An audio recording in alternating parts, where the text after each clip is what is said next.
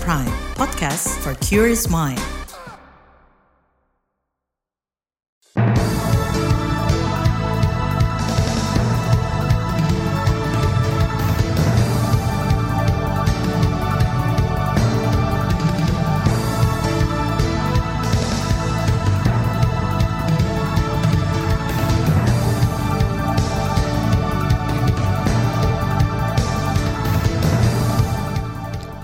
Selamat pagi, saudara. Berjumpa kembali dalam Buletin Pagi, edisi Jumat 8 Desember 2023.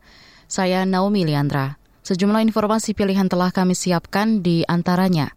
BNPB minta kesiapsiagaan bencana di jalur mudik Nataru. Tersangka penyuap ex Wamenkumham ditahan KPK. Seniman geruduk KPU DIY tolak kecurangan pemilu. Inilah Buletin Pagi selengkapnya. Terbaru di Buletin Pagi. Saudara, Badan Nasional Penanggulangan Bencana BNPB mengingatkan pelaku perjalanan libur Natal dan Tahun Baru Nataru selalu waspada terhadap ancaman bencana hidrometeorologi basah, antara lain banjir dan longsor. Juri bicara BNPB Abdul Muhari menyebut saat ini sudah ada peta mudik rawan bencana berisi informasi lokasi rawan bencana yang biasa dilalui pemudik. Abdul Muhari mengatakan BNPB juga menyampaikan peta resiko bahaya longsor khusus di jalur lintas kereta, terutama di Jawa bagian tengah dan selatan. Yang kita atensi sebenarnya potensi longsor di jalur selatan. Ini yang paling sering terjadi, misalkan tahun kemarin itu ada longsor di pelintasan di jalur kereta api di Bogor uh, Selatan sampai hampir 700 meter tanah di bawah jalur kereta api di Bogor Selatan itu ambles. Nah, hal-hal seperti ini yang terkadang ini bisa terjadi uh, sesaat itu dan mendadak ya, bergantung pada karakteristik lokasi di situ. Juri bicara BNPB Abdul Muhari menambahkan peta kerawanan di Sumatera dan Sulawesi paling banyak pada jalur yang dilalui kendaraan pribadi. Dalam tiga tahun terakhir, daerah yang langganan banjir dan longsor sudah diinformasikan kepada pemerintah setempat. Kementerian Perhubungan memperkirakan jumlah pemudik saat Nataru naik 43 persen atau mencapai 107 juta orang. Menteri Perhubungan Budi Karya Sumadi mengatakan 45 persen pelaku perjalanan bertujuan untuk liburan. Sebagian besar pelaku perjalanan darat akan menuju Yogyakarta dan Bali, sementara perjalanan udara akan dipadati pemudik ke arah Indonesia Timur. Berdasarkan hasil survei, mayoritas masyarakat akan menggunakan moda transportasi pribadi. Sedangkan transportasi umum yang paling digemari adalah kereta api sebesar 13 persen. Lalu pesawat hampir 12 persen dan bus 11 persen. PT Kereta Api Indonesia berkomitmen melayani pelanggan dengan jaminan keselamatan dalam rangka angkutan Nataru. Masa mudik Nataru ditetapkan mulai 21 Desember 2023 hingga 7 Januari 2024. Juru bicara PT KAI Joni Martinus mencatat ada lebih 240 titik rawan bencana di jalur kereta yang terdiri dari rawan banjir, longsor, dan amblesan. Di samping itu, KAI menyiapkan strategi manajemen krisis bernama AMUS, yaitu alat material untuk siaga. Strategi tersebut selain menyiagakan tim personil lapangan khusus, juga menyediakan alat dan material yang ditempatkan tersebar di sepanjang jalur kereta api. Hal ini bertujuan jika dalam keadaan darurat, perbaikan dapat segera dilakukan. Juri bicara PT KAI, Johnny Martinus, memastikan keselamatan dengan sejumlah strategi. Antara lain pelaksanaan rem cek kelayakan kereta, kegiatan inspeksi bersama KAIS, dan posko terpadu angkutan Nataru. PT KAI juga mengantisipasi gangguan sarana dan prasarana perkereta apian. Pada awal pekan ini, sebanyak 14 perjalanan kereta sempat dialihkan dari jalur selatan ke utara Pulau Jawa. Penyebabnya karena ada tebing longsor di jalur hilir antara stasiun Karanggandul dan stasiun Karangsari Banyumas. Longsor tersebut terjadi saat turun hujan lebat. PT KAI menurunkan alat berat untuk penanganan longsor. Sebagian kalangan parlemen meminta perusahaan transportasi umum plat merah memitigasi cuaca ekstrim saat mobilitas tinggi pada akhir tahun. Anggota Komisi BUMN di DPR, Evita Nursanti, mengatakan ancaman gangguan keselamatan akibat cuaca harus menjadi perhatian penyedia layanan transportasi darat, laut, maupun udara bagaimana kita mengedepankan keselamatan. Beberapa dirut sudah menyampaikan kita menghadapi tantangan yaitu cuaca ekstrim. Tadi Pak KAI sudah mengatakan yang saya rasa itu yang harus dipersiapkan tidak hanya eh, kemungkinan-kemungkinan longsor di beberapa wilayah, tapi juga uh, yang namanya ini hujan yang deras, ya kan? Jadi memang perkiraan cuaca itu memang harus benar-benar perhatikan dalam hal ini. Anggota Komisi BUMN Evita Nursanti meminta PT Pelayaran Nasional Indonesia Persero dan PT ASDP Indonesia Ferry Persero mengantisipasi gelombang tinggi dan terus memperbarui informasi cuaca. Dia meminta semua pihak meningkatkan kewaspadaan.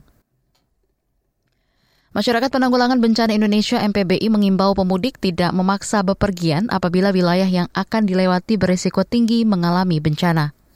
Ketua Umum Masyarakat Penanggulangan Bencana Indonesia MPBI, Avianto Amri mengatakan, informasi cuaca bisa diakses melalui info BMKG. Uh, termasuk juga efek kekeringan yang panjang pun itu bisa menyebabkan menyebabkan retakan tanah juga ya gitu. Sehingga untuk daerah-daerah yang mungkin dulunya nggak begitu rawan longsor bisa meningkat risikonya karena efek kekeringan yang sebelumnya. Sehingga memang antara banjir, tanah longsor ataupun juga angin kencang itu juga menjadi uh, ancaman yang harus diperhatikan terutama di akhir tahun ini ya. Avianto mengingatkan agar pelaku perjalanan membawa tas siaga bencana Tas, tas tersebut bisa berisi makanan cadangan, obat-obatan, dan hal lainnya yang bisa dimanfaatkan untuk bertahan hidup. Saudara KPK tahan tersangka penyuap ex Wamen Kumham, tetaplah di Buletin Pagi KBR. You're listening to KBR Pride, podcast for curious mind. Enjoy!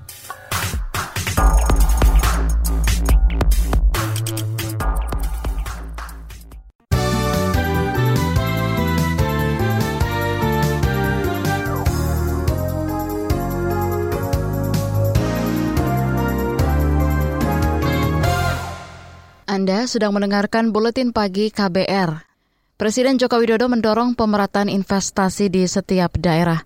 Karenanya dia memerintahkan pemerintah daerah, terutama luar Pulau Jawa, semakin meningkatkan investasi. Tujuannya untuk menggerakkan pertumbuhan ekonomi dan meningkatkan lapangan kerja. Satu Pulau Jawa saja investasinya 48 persen. Masa yang 16.999 pulau hanya kebagian 52 persen. Mestinya bisa lebih gede lagi. Tapi memang tugas Bapak Ibu untuk mendorong, tugas Gubernur, Bupati, Wali Kota, Kepala PTSP, mendorong agar investasi di luar Jawa semakin besar. Dan juga tugas pemerintah menyiapkan infrastrukturnya, karena di luar Jawa juga memerlukan itu. Presiden Jokowi menekankan pentingnya hilirisasi industri untuk nilai tambah. Ia mencontohkan program hilirisasi telah meningkatkan nilai ekspor nikel menjadi 10 kali lipat dari semula 3 miliar dolar Amerika Serikat menjadi 33 miliar dolar Amerika Serikat atau setara 500-an triliun rupiah. Presiden Jokowi juga mendorong peningkatan investasi ramah lingkungan dan berkelanjutan untuk menggait investor asing. Bergeser ke informasi hukum, Komisi Pemberantasan Korupsi KPK menetapkan advokat Helmut Hermawan sebagai penyuap bekas Wakil Menteri Hukum dan HAM Edward Omar Syarif Hiarich. Helmut Hermawan diduga memberikan suap terkait pengurusan perkara perusahaan tambang nikel PT Citra Lampia Mandiri di Kemenkumham. Helmut juga diduga menyuap Edi sebesar 4 miliar rupiah untuk penyelesaian sengketa kepemilikan perusahaan itu. Selain itu juga ada permasalahan hukum lain yang dialami HH di Baris Krim Polri dan untuk itu EOSA bersedia dan menjanjikan proses hukumnya dapat dihentikan melalui SP3 dengan adanya penyerahan uang sejumlah sekitar 3 miliar rupiah. KPK juga menetapkan tiga tersangka lain yang berperan sebagai penerima suap, antara lain bekas Womenkumham Edi Hyarich dan dua anak buahnya. Kemarin Edi Hyarich dijadwalkan diperiksa KPK, namun yang bersangkutan mangkir karena sakit. KPK akan menjadwalkan ulang pemeriksaan Edi. Pada kesempatan berbeda, pihak istana memastikan surat pengunduran Edi sebagai Wamenkumham sudah disetujui Presiden Joko Widodo. Hari ini Hakim Ridwan Mansur bakal dilantik sebagai Hakim Mahkamah Konstitusi di Istana Negara. Ridwan terpilih sebagai Hakim Konstitusi dari unsur Mahkamah Agung. Juri bicara Mahkamah Konstitusi Fajar Laksono mengatakan Ridwan akan menggantikan Manahan MP Sitompul yang memasuki usia pensiun hakim konstitusi yakni 70 tahun. Ridwan merupakan hakim aktif yang pernah ikut mengadili Polikarpus Budihari Prijanto di Pengadilan Negeri Jakarta Pusat dalam kasus pembunuhan aktivis HAM Munir. Dia menilai pembunuhan Munir merupakan konspirasi. Dalam kasus itu, Pengadilan Jakarta Pusat menghukum Polikarpus dengan hukuman 14 tahun penjara. Kita ke informasi HAM. Komisi Nasional Hak Asasi Manusia Komnas HAM mendorong pemerintah serius melindungi para pegiat HAM. Komisioner Komnas HAM Hari Kurniawan mengatakan, Para pembela HAM rentan menjadi target intimidasi dan serangan untuk melemahkan gerakan HAM di Indonesia. Padahal pelindungan dan pemenuhan hak-hak pembela HAM sudah diatur dalam standar norma dan pengaturan SNP tentang pembela HAM. Angka yang cukup mencengangkan bagaimana tingkat kriminalisasi terhadap perempuan pembela HAM. Misalnya di Sumatera Utara ada enam orang perempuan dari Futasi yang kemudian memperjuangkan hak atas tanahnya dikriminalisasi. Itu di awal tahun 2023 waktu itu. Kemudian ada kasus Nove, perempuan dari Halmahera yang ini juga mengalami kriminalisasi dan banyak juga yang di daerah NTT yang dia sebagai perempuan membela HAM untuk memperjuangkan TPPO juga mengalami intimidasi bahkan sampai kemudian kekerasan seksual. Komisioner Komnas HAM Hari Kurniawan menambahkan bentuk ancaman kepada pegiat HAM meliputi intimidasi pribadi, serangan dengan penggunaan hukum sewenang-wenang, serta ancaman dan serangan dengan perampasan hak ekonomi, sosial, tempat tinggal, hingga pangan. Berdasarkan catatan Yayasan Lembaga Bantuan Hukum Indonesia YLBHI, sepanjang lima tahun terakhir ada lebih dari 80 kasus penyerangan terhadap pembela HAM, dengan lebih dari 500 pembela HAM menjadi korban. Pemerintah bakal menjatuhkan sanksi pada perusahaan yang tidak melindungi pekerjanya dari kekerasan seksual. Asisten Deputi Perlindungan Hak Perempuan dalam Rumah Tangga Rentan Kementerian Perempuan dan Anak, Eni Widianti mengatakan, sanksi itu akan merujuk pada Undang-Undang Tindak Pidana Kekerasan Seksual UU TPKS. Bentuk pelanggaran perusahaan antara lain pembiaran maupun tidak melindungi korban. Jadi ancamannya nggak main-main. Dari denda 5 miliar sampai 15 miliar, kemudian tidak hanya denda, restitusi juga nanti akan dituntut untuk membayar sampai pencabutan izin dan bahkan tidak boleh beroperasi lagi. Nah ini yang tidak bisa main-main ketika ada satu perusahaan di mana di dalamnya terjadi kekerasan seksual, ancamannya tidak hanya ke pelaku, tetapi sampai ke korporasi. Asisten Deputi Perlindungan Hak Perempuan dalam Rumah Tangga Rentan di Kementerian Perempuan, Edi Eni Widianti mengatakan salah satu tantangan dalam perlindungan korban adalah isu maskulinitas. Dampaknya, pekerja yang mengalami kekerasan seksual enggan melapor karena khawatir mendapat diskriminasi. Kita ke berita mancanegara. Perserikatan Bangsa-Bangsa PBB terus bernegosiasi dengan Israel agar segera membuka jalur masuk bagi bantuan kemanusiaan ke Gaza. Hal itu disampaikan pimpinan PBB Urusan Kemanusiaan dan Bantuan Darurat Martin Griffiths. Ia mengatakan jika jalur masuk dibuka, maka akan meningkatkan kegiatan kemanusiaan bagi warga Palestina yang menjadi korban perang di Gaza. Di sisi lain, Israel makin gencar melakukan serangan ke selatan Gaza untuk memburu kelompok Hamas. PBB menyebut saat ini ada hampir 2 juta warga Gaza mengungsi akibat serangan Israel itu. Kita ke berita olahraga. Dari cabang bulu tangkis, Ganda campuran Indonesia Dejan Ferdiansyah Gloria Wijaya melaju ke babak perempat final turnamen badminton Guwahati Master India 2023. Mereka lolos usai menumbangkan pasangan Australia. Di turnamen BWF level Super 100, Dejan Gloria menempati unggulan pertama usai pekan lalu menjuarai India International 2023. Hasil gemilang ini juga membuat Dejan Gloria naik lima peringkat di posisi 14 dalam daftar sementara yang dirilis Federasi Bulu Tangkis Dunia BWF. Pada babak 16 besar hari ini, total ada 10 wakil Indonesia yang bertanding. Salah satunya adalah pasangan baru ganda putra Markus Raihan.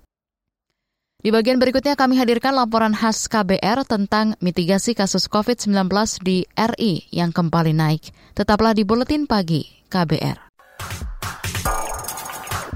You're listening to KBR Pride, podcast for curious mind. Enjoy!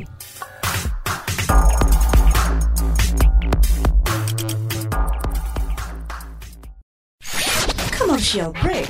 Commercial break.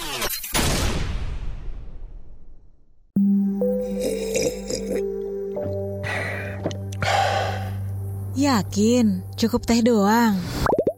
KBR sore Siap menjadi teman sore hari kamu? Biar kamu gak kesepian. Dapatkan rangkuman perkembangan berita terpenting di sore hari dari bidang politik, ekonomi, sosial, budaya, dan olahraga dari dalam dan luar negeri. Simak KBR Sore setiap hari Senin sampai Jumat mulai pukul 16 di radio jaringan KBR seluruh Indonesia dan di kbrprime.id search KBR Sore.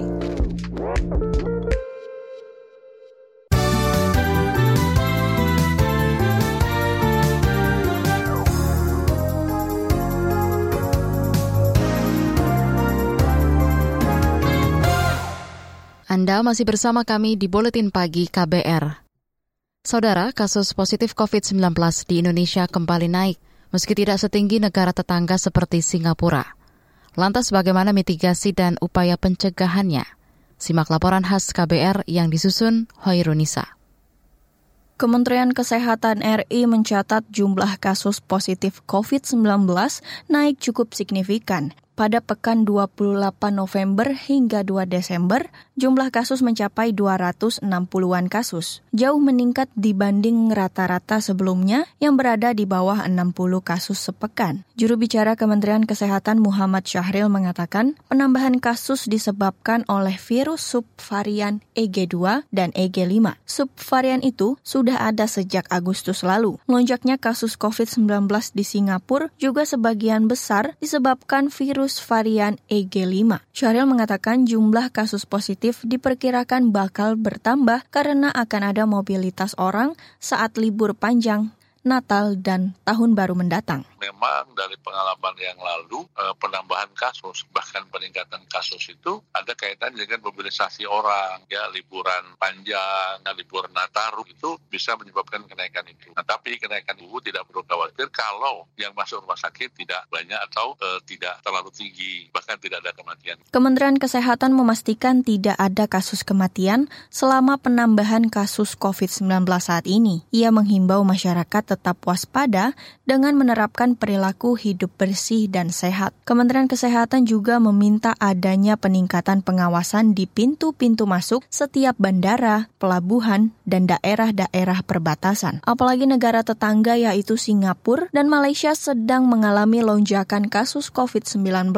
Penambahan kasus cukup tinggi terjadi di Jakarta. Selama periode 27 November hingga 3 Desember lalu, peningkatan kasus mencapai 40 persen. Kepala Seksi Surveillance, Epidemiolog, dan Imunisasi Dinas Kesehatan DKI Jakarta, Ngabila Salama mengatakan banyak kasus yang tidak terdeteksi karena pasien bergejala ringan dan tidak melakukan tes COVID-19.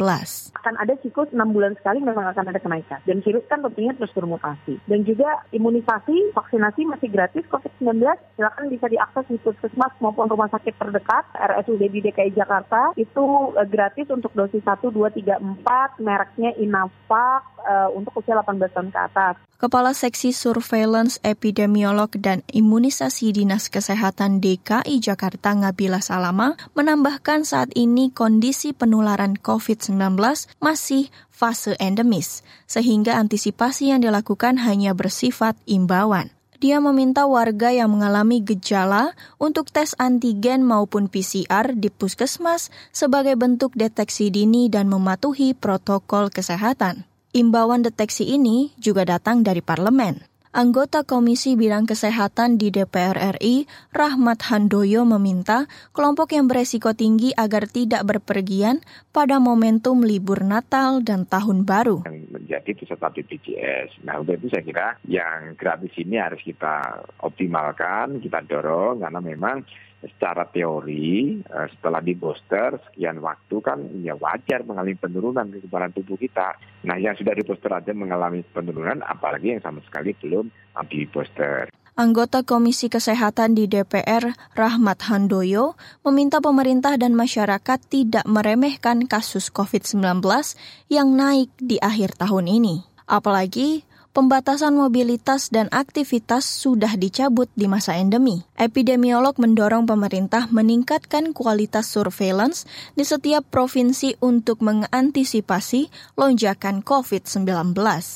Epidemiolog dari Universitas Indonesia, Tri Yunis Miko mengatakan kenaikan kasus corona yang terpantau dengan baik akan lebih mudah dikendalikan. Terlebih, saat ini capaian vaksinasi dosis penguat satu dan dua yang rendah serta penurunan kekebalan komunal. Pemerintah kita kurang memperhatikan kejadian COVID di Indonesia karena eh, mereka yakin dengan antibodi atau kekebalan yang terjadi pada masyarakat Indonesia sudah 90 persen lebih. Kemudian dianggap kalau sudah semua masyarakat Indonesia punya antibodi tersebut. Pertama, kalau terinfeksi itu uh, tidak akan parah, padahal belum tentu ya. Epidemiolog dari Universitas Indonesia, Tri Yunis Miko meminta pemerintah memberi perhatian khusus pada kelompok rentan, seperti warga usia lanjut, anak-anak, dan orang dengan penyakit penyerta atau komorbid. Terlebih, varian COVID-19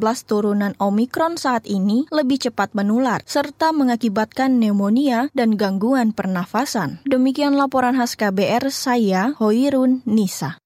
Informasi dari berbagai daerah akan hadir usai jeda. Tetaplah bersama Buletin Pagi KBR. You're listening to KBR Pride, podcast for curious mind. Enjoy!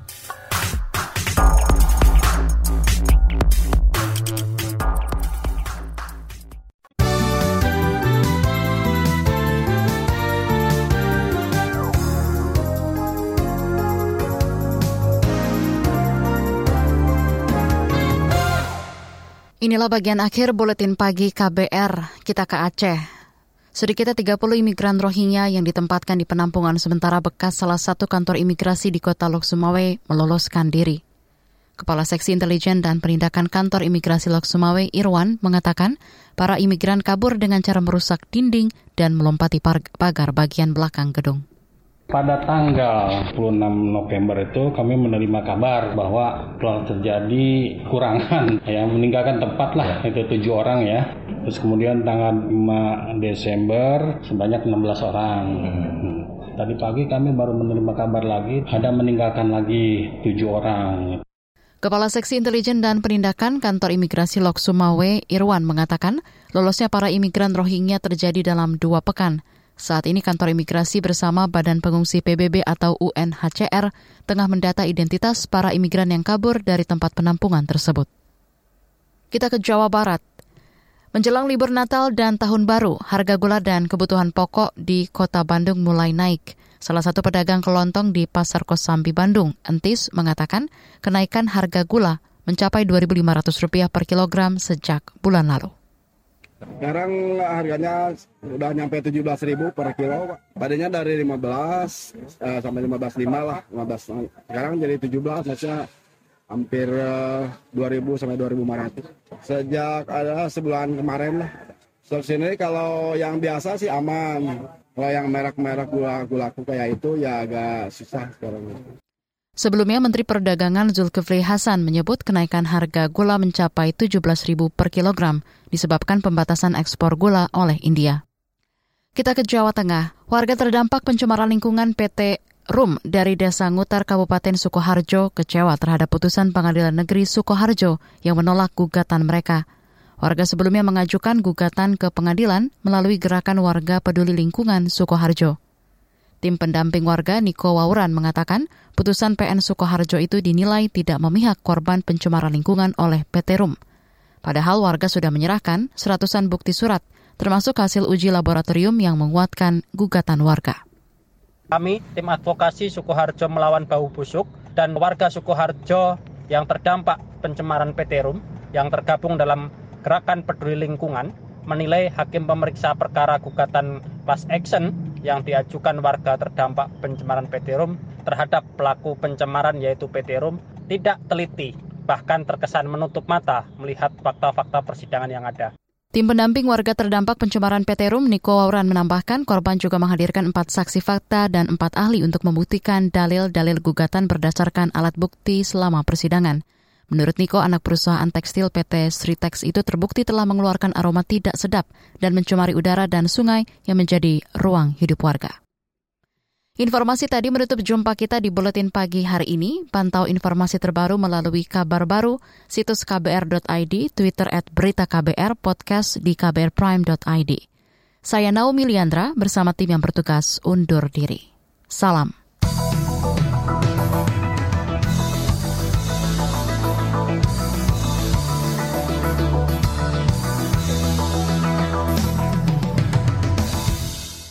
KBR Prime, cara asik mendengar berita. KBR Prime, podcast for curious mind.